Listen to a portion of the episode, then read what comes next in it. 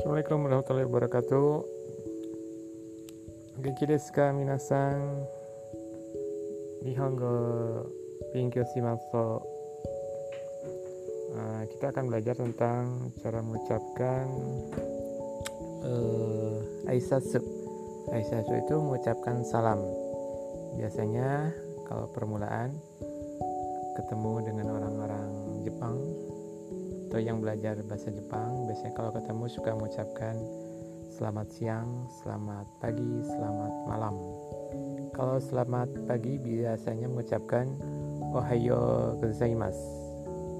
Ohayo gozaimasu. Itu selamat pagi.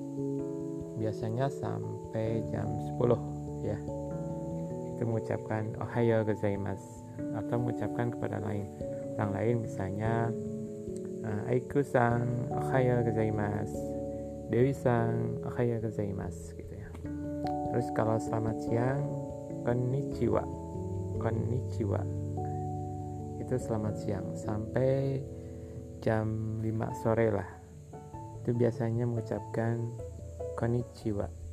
Konnichiwa. Konnichiwa sensei konnichiwa guru.